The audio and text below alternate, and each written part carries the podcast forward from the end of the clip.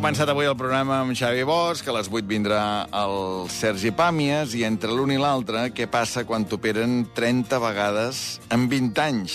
Avui a Islàndia, aquesta és la història de la Susana Caseres, que té 57 anys, Maria, i amb 34 li van diagnosticar un càncer de bufeta, i a partir d'aquí ve tot això, eh? ve tot aquest rosari d'operacions. Ve tot aquest rosari d'operacions fins que la seva bufeta diu prou, li han hagut d'extirpar i ara porta la bossa.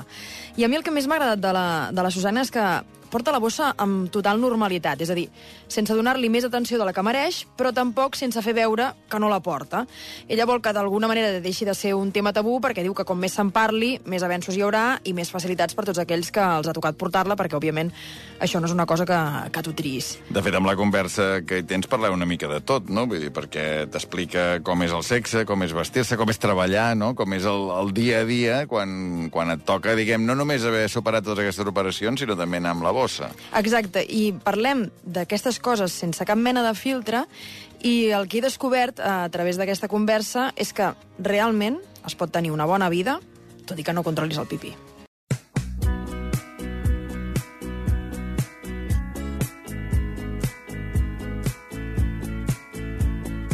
Hola, Susana.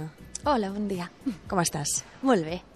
Escolta'm, som a la Fundació Puigverd, a un centre de referència en urologia. Quantes vegades hi has estat tu aquí? Quantes vegades hi has vingut? Mira, és la meva segona residència, dic jo. Ara, quan tanques els ulls i penses en la Fundació Puigverd, són records bons o són records dolents? La veritat és que són bons, perquè com que sempre ha sigut per curar-me, vull dir, per mantenir-me viva, pues, la veritat és que jo estic molt agraïda. A moments concrets sí que són durs i quan els estàs vivint dius, mare de Déu, però així en global mm, és estar viva, per tant, és molt agraït i molt, molt contenta.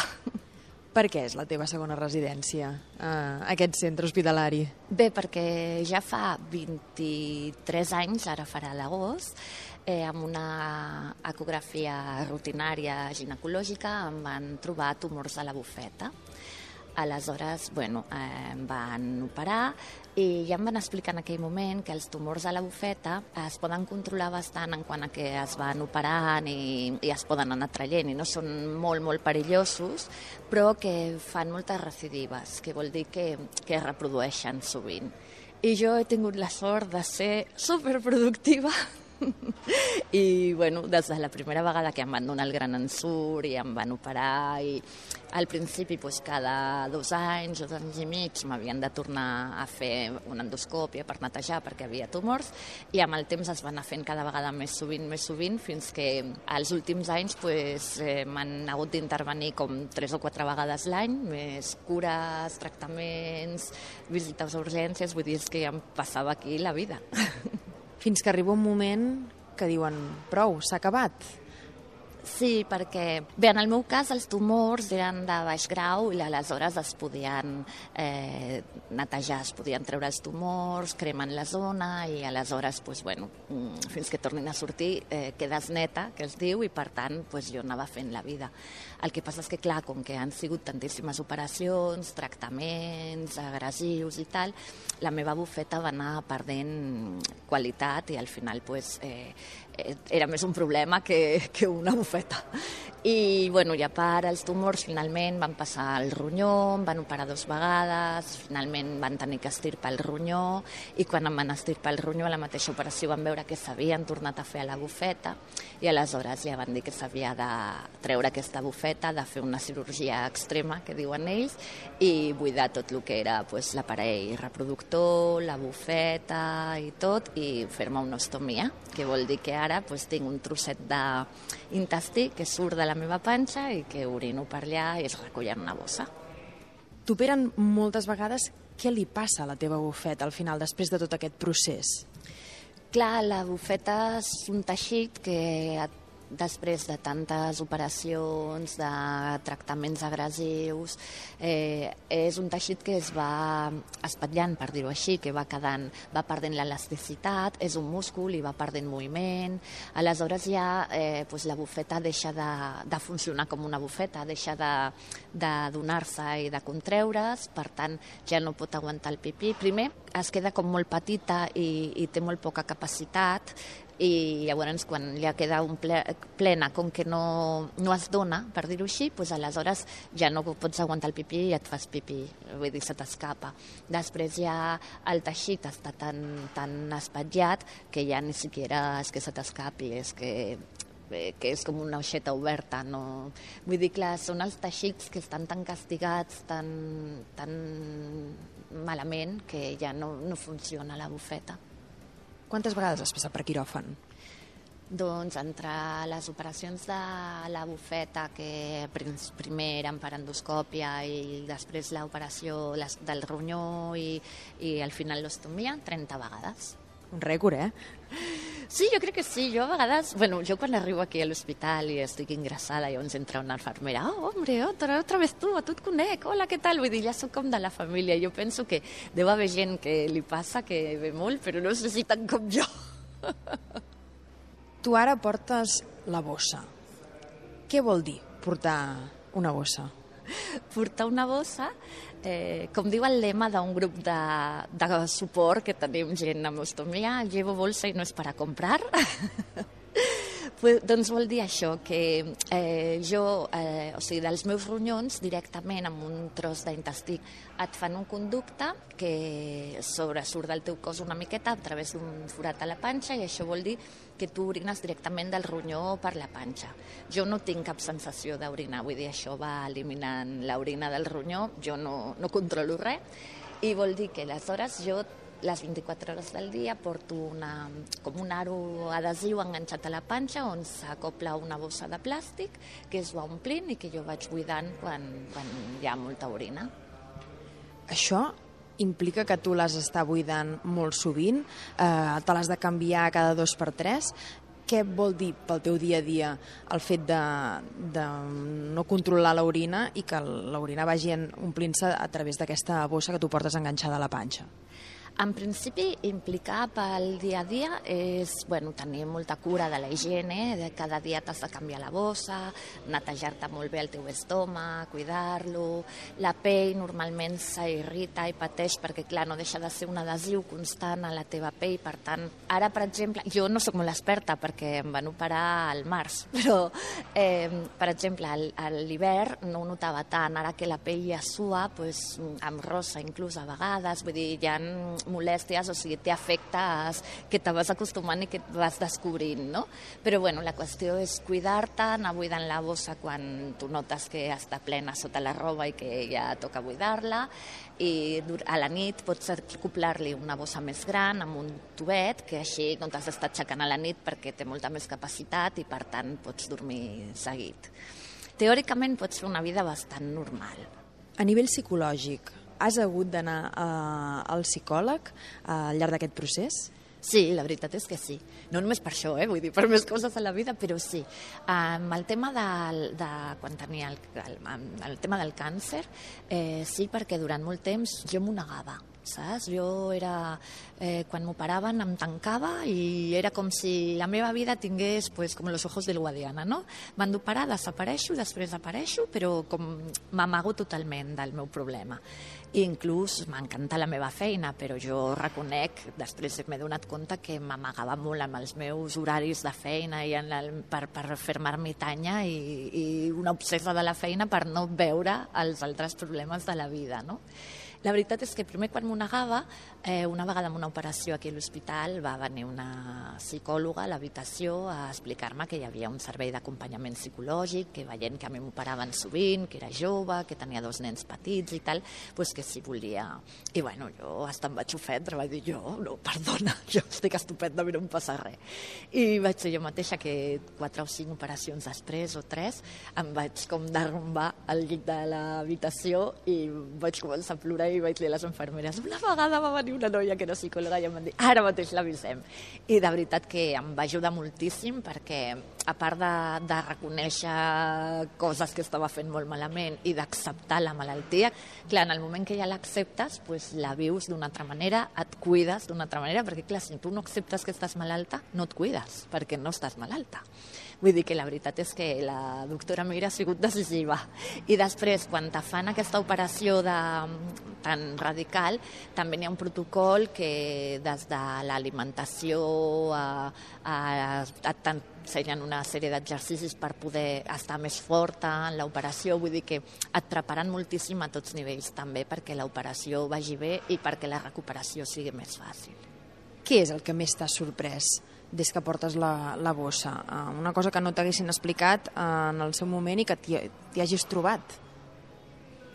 Mira, eh, el que m'ha sorprès és que, clar, jo al principi, quan em deien això, deia, jo ni boja amb una bossa, què dius?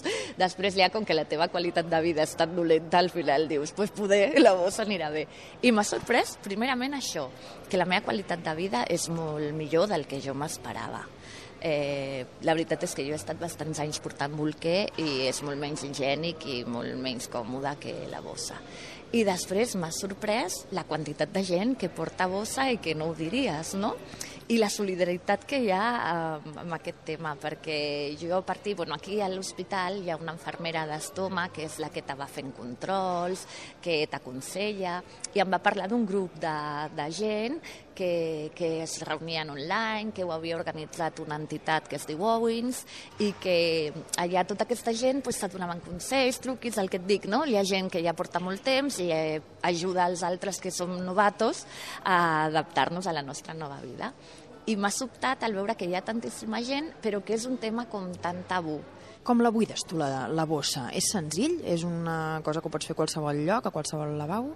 La veritat és que sí, perquè la bossa és una bosseta de plàstic que a baix té un tap de plàstic que tu vas al lavabo, la buides... Sé que molta gent s'asseu al lavabo, de fet, quan t'expliquen a l'hospital, t'ensenyen com has de funcionar quan et posen la bossa. A mi m'han explicat que jo m'asseia al lavabo i treia el tap i buidava i ja estava. Però els lavabos públics moltes vegades mm, estan poc nets i recordo que quan duia bolquer el drama més gran era haver-me de quasi despullar perquè armar-me el bolquer depèn a quins espais que deies, mare Déu, aquí agafaré de tot. I en canvi ara doncs, moltes vegades he de confessar que faig pipí de peu i està em fa gràcia. Trec la meva bossa, enfoco i dic, mira, eh, tot això que no havia fet a la vida, doncs és còmode. També t'he de dir que a vegades no enfoco bé i penso en la de vegades que he renyat els meus fills. I tampoc és tan fàcil, saps? Confirmes que llavors eh, podem tenir una mica de compassió quan veiem alguna gota per allà? Penso que, que no hem de ser tan severes i tan exigents perquè no és tan tan fàcil com sembla. Com és portar bolquers amb 50 anys? Perquè tu dius que l'has dut també durant un temps. La veritat és que eh, era més violent per mi portar el bolquer que la bossa, perquè, clar, el bolquer primer, implica que encara que tu siguis molt polida i et canvis molts cops, sempre estàs humida i sempre te sents bruta, la veritat. Té més perill que faci olor que no pas la bossa, que és una bossa plàstica aquí hermètica que no surt cap olor. Eh, tens més perill que et moguis qualsevol cosa i tenir escapes, que m'havia passat alguna vegada de dir, hòstia, ara se m'ha mullat el pantaló o i després, eh, clar, portar un bolquer humit implica que se te fan rossadures, llaguetes, s'irrita la pell com en els nens petits. I després una cosa que jo recordo que em va costar, el fet d'anar a casa d'algú i haver-me de canviar el bolquer i llançar-lo a les escombraries, jo al principi m'enduia la meva bossa d'escombraries al bolso i me'ls anava guardant al bolso. Podia arribar a casa meva amb una bossa amb tres bolquers o quatre, perquè em resultava molt violent deixar allà... No perquè la gent sabés que, que portava bolquer, eh, perquè molta gent ho sabia, sinó pel fet de deixar el bolquer brut a les seves escombraries, saps? Perquè jo a casa em vaig acostumar a tenir el cubell de les escombraries als safrets perquè no fes olor. Llavors la gent normalment el té a la cuina i a mi em semblava com molt marrano deixar el meu bolquer allà al seu cubell de les escombraries. Arriba un punt que diuen ho hem d'extirpar tot. Què t'han tret? A mi m'han tret el ronyó, eh, la matriu, per, amb una operació em van treure el ronyó esquerre i la matriu perquè també estava afectada, però aleshores a la següent operació, quan ja em van treure la bufeta, treuen pues, la bufeta, els ovaris, les trompes i ganglis del voltant, o sigui, ha quedat bastant huequita per dins.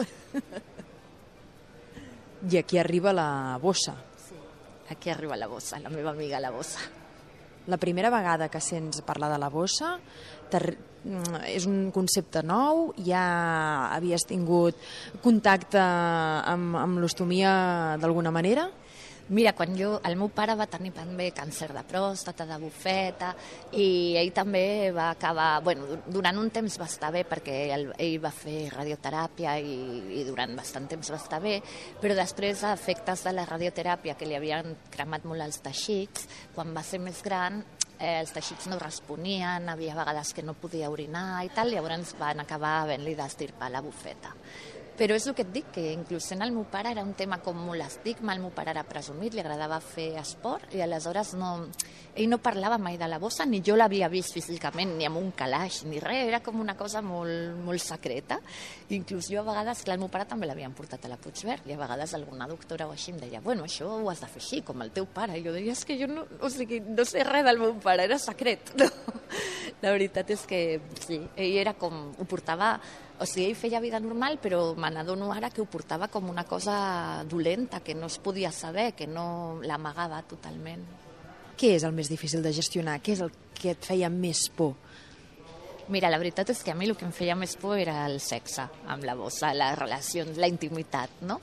Eh, sí que és veritat que quan te fan una ostomia, eh, en el cas dels homes, eh, perden la capacitat d'erecció en molts casos i les dones pues, també, com que també t'estirpen una part de la vagina i tal, bueno, a mi primer em van dir que no em preocupés, que havia més coses a part de la penetració, que després pots fer exercicis per recuperar, perquè es pot atrofiar una mica, però pots recuperar-la.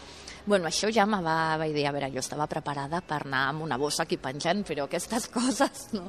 Llavors, primer això, no?, el dir, hosti, mm, com serà ara la meva vida sexual, podré tornar a tenir penetració, no la tindré i tal. I després, eh, jo em veia amb la bossa, jo no em veia tan malament, però pensava que l'altra persona, saps? O sigui, sí que havia arribat a pensar si la meva parella l'angoixa veure'm així o no li agrada o li fa angúnia, em deixarà i ho hauré d'acceptar, saps? Vull dir, no sé, en aquest sentit sí que tenia molta por, era el que més por em feia, el rebuig de la meva parella a aquesta situació. I com ha anat? Ha anat perfecte perquè és un tros d'home. la veritat és que m'ha acompanyat durant molts anys amb tot el tema de la meva malaltia, per tant, el pobre també té ja molta experiència en hospitals, amb ferides, amb... però no, no, la veritat és que no li ha donat cap importància el fet de que porti una bossa, inclús jo al principi pues, em posava una samarreta llarga o intentava tapar-la i tal, i em deia, no passa res, és una bossa, és que no portes una bossa, no passa res. I la veritat és que això també ajuda molt. Però, clar, jo també ja tenia una parella que ja venia de, de viure tot això amb mi, no? Que entenc que potser per la gent que, que no té parella o que s'enfronta a noves relacions, jo crec que és la part com més difícil mm, que l'altra persona també hagi d'assumir la teva bossa. Hi ha trucs, aquests trucs que has anat coneixent eh, amb gent que ja ho ha passat, amb les associacions... Pel tema aquest, mira, eh, vaig anar a Owens, a l'associació la, a aquesta a la que jo vaig i fem xerrades i aquestes coses, i vaig veure allà com uns feixins molt monos, unes bandes així negres, molt, molt sexis, i vaig dir, què és això?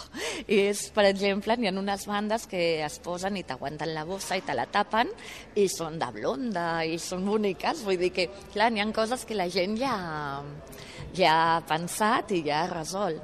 Eh, també aquí a l'hospital me van ensenyar que hi ha una noia que se fa bosses de roba, es cus bosses de roba per ficar dintre la bossa, perquè queda molt més mono per aquí penjant un estampat de floretes que una bossa de plàstic amb pipí dins, no? Vull dir que, clar, la gent se va inventant els seus truquis per, bueno, també per, per fer-ho més, més agradable, no sé. Ara jo et veig vestida, et veig amb uns texans, molt a la moda, amb una camisa... Si anéssim a la platja, què? He anat un dia ja a la platja I la veritat, jo, a mi sempre m'han agradat molt els biquinis de calceta molt alta, aleshores pensava que, bueno, que no n'hi hauria problema perquè em, em veuria igual. Realment no, perquè jo tinc l'estoma bastant amunt i em surt un tros de la bossa per dalt. Eh, el dissabte per anar a la platja per primer cop em vaig posar un banyador sencer. La veritat és que jo crec que es nota bastant, la gent et diu que no, també és veritat que tu quan saps que portes una cosa vas dient, mira, mira, veus, aquí fa una rua, però bueno, sí que és veritat que llavors ens vaig anar amb una amiga, ens vam estirar, vam estar xerrant, rient molt bé, i quan ens vam aixecar, clar, la meva bossa estava plena, i aleshores sí que se'm veia el banyador i un bulto aquí, un cantó que era com la meva amiga va dir, bueno, ara potser sí una mica, semblava una... però bueno, mira, mmm, no m'aturaré d'anar a la platja, que a mi m'encanta per això, no? I és el que dic, si volem que la gent ens tracti normal, també nosaltres hem d'actuar normal i per tant doncs, bueno, eh, he de superar totes aquestes petites coses no? ara per exemple quan jo em vaig operar com que era hivern la roba és molt més ampla, més grossa era molt més còmoda ara que és estiu ja n'hi ha robes més finetes més arrapades, sí que n'hi ha coses que dic això ja no m'ho posaré perquè no m'agrada com em queda no? i visc un, una petita crisi uns moments de dir oh, ja no m'abasteixo com era el meu estil ja... però en veritat no, és una tonteria i també pots trobar maneres de vestir-te super maques i, i còmodes. Més que res per la comoditat, ja no tant per, per el que es vegi o no es vegi. Ara mateix pots fer vida completament normal? A veure, per lo que fa a la bossa, sí. Vull dir, sí, em puc moure normal, bueno, no puc aixecar, fer esforços o aixecar pesos o coses així perquè sempre n'hi ha perill de, d'herniar-te, però també és veritat que, eh, que aquests grups d'acompanyament i això pues, t'expliquen com posar-te, quina postura fer per aixecar-te, per no forçar, vull dir que també vas aprenent coses. El que no puc fer una vida normal en quant a treballar o aquestes coses, però ja no és pel tema de la bossa, sinó per totes les seqüeles, per dir-ho així, que han anat quedant de tot aquest procés, no? que, bueno, pues que tinc eh, anèmia crònica, que, bueno, aquelles petites coses que realment, clar, una malaltia així, que te fan tractaments tan agressius, és molt agraït que estàs viva, però s'espaien altres coses i tampoc pots... Però bueno, uh, força bé, la veritat. Deies que, que t'han deixat buida. Això vol dir que ara ja està, que ja s'ha acabat, uh, que ja no tornarem a passar per quiròfan? A veure, jo espero... La veritat és que jo espero que no o que trigui moltíssim, saps? Vull dir, a veure, una miqueta també sempre penso que tinc la, el problema de que el meu cos fa tumors, igual que n'ha fet tants a la bufeta i al ronyó, pot ser que fos només el sistema urinari i ja està, i mai més passi, com sempre te queda allò de dir, bueno, igual sorgeix... Vull dir, no és que sigui negativa, però bueno, crec que sóc realista és algo que pot passar, no? Però bueno, ara mateix sí que penso que dels últims anys que he estat ingressada cada quatre mesos, passant per quiròfan i tal, pues que ara com a mínim tindré una, una temporada molt llarga per endavant sense haver de passar per quiròfan. Podràs planificar vacances. Serà una meravella, perquè jo fa tants anys que no m'atreveixo a planificar res. La gent que potser diu, ah, jo ja m'agafo la caseta de l'estiu per l'any que ve perquè m'ha agradat molt, i jo penso és que jo sempre la meva vida era, igual d'aquí tres mesos estic esperant a operar-me, o m'estan operant, o m'estic recuperant. Vull dir que realment et canvia també la vida. Jo era sempre com molt, molt eh, urgent en tot el que feia eh, i molt impacient perquè era com, jo no tinc temps, saps? Jo ho he de fer ara. I la veritat és que ara pues, hauré d'aprendre a no ser tan impacient. Des que tens la, la bossa, des que ets una persona ostomitzada, del 0 al 10, qualitat de vida? Jo 11, la veritat. No, en sèrio, de veritat. Jo entenc que potser n'hi ha gent que li ve tot molt sobtat doncs perquè de sobte agafen un càncer de bufeta molt agressiu i clar, passen d'estar bé a estar malalts i fer-los aquesta l'estoma i tot molt ràpid i no passen un procés tan lent i tan com l'he anat passant jo i els hi deu xocar molt, però ja et dic jo, la meva qualitat de vida havia baixat tantíssim amb el tema volquer, a l'estar malalta, clar, també em trobava malament, tenia molts dolors, em passava la vida aquí d'urgències, moltíssimes infeccions constantment, d'orina. Clar, jo ara penso, ostres, eh, quina meravella. Així com abans jo deia, no m'ho vull fer, i el metge em deia, aguantarem, aguantarem mentre puguem, ara penso, coi, potser m'ho podia haver fet abans, saps? Perquè la veritat és que molt bé. Susana, tu ets periodista. el càncer t'ha apartat de la, de la feina, és a dir, fa temps que ja no, no pots treballar. És el que més trobes a faltar? Trobo a faltar mm, tenir, sí, una rutina, una... el fer alguna cosa productiva. La veritat és que al principi, quan vaig deixar de treballar, va ser com, o sigui, al principi no sabia què fer amb la meva vida, seguia aixecant-me i fent les mateixes rutines, m'aixecava d'hora per mirar els reculls de premsa i com per estar preparada per reaccionar. I deia, a què has de reaccionar, no, però em va costar molt. I després, com tu saps, eh, dediquem moltíssimes hores a aquesta feina i les nostres relacions són de que, amb gent de la feina i, i per tant me vaig sentir com una mica desubicada. Aleshores, ara el que estic intentant és reconduir això cap a algú més eh, que m'ompli, que és el que m'està costant. Saps? La meva feina m'agradava molt i m'omplia molt. Llavors la gent diu, fes coses, i dic, sí, però és que no es tracta d'omplir el temps, t'ha d'omplir a tu també, saps? Llavors, a poc a poc, pues, estic fent voluntariat, eh, eh, hi ha algunes coses que he descobert, com que m'encanten els gats, i ara sóc d'una entitat que alimento els gats del carrer, eh, com que m'agrada escriure, perquè sóc periodista, pues, també dedico més temps a escriure les meves històries, el meu blog i això, i, bueno, i ara, precisament amb això de, de l'ostomia i de veure que, que és un tema tan tabú i que s'ha de, de poder donar a conèixer més, doncs també penso que pot ser una cosa a la que li pugui dedicar jo la meva experiència no? com a periodista i, i ajudar les entitats o a la federació a organitzar coses i a explicar-nos. Quants anys tens ara? 57. M'han dit que seràs àvia? Sí, el juliol, estic tan impacient. El juliol tindré el meu primer net, un nen, sí, sí. Això suposo que també t'omplirà el temps. Bueno, també, també espero que sí. Espero que, a més, com que jo tinc disponibilitat, doncs podré fer de iaia cangur i podré ocupar-me del meu net i dedicar-li moltes hores. Què li explicaràs a, al teu net de la seva àvia eh, al voltant de la bossa que porta? Bueno, clar, ell com que ho veurà des de sempre, pues, suposo que ho veurà com una cosa molt normal i que li podré explicar que, bueno, pues, que a la vida ningú és igual a un altre i que al llarg de la vida que va fluint i que van canviar la situació, pues que mira, que la iaia va tenir una malaltia i al final porta aquesta bossa, però el més normal del món. La iaia Susana porta aquesta bossa, però una de cada mil persones porten la bossa. Per tant, és una cosa prou comú. Potser ara mateix hi ha algú que ens està escoltant i que li han de posar en els propers dies. Què li dius?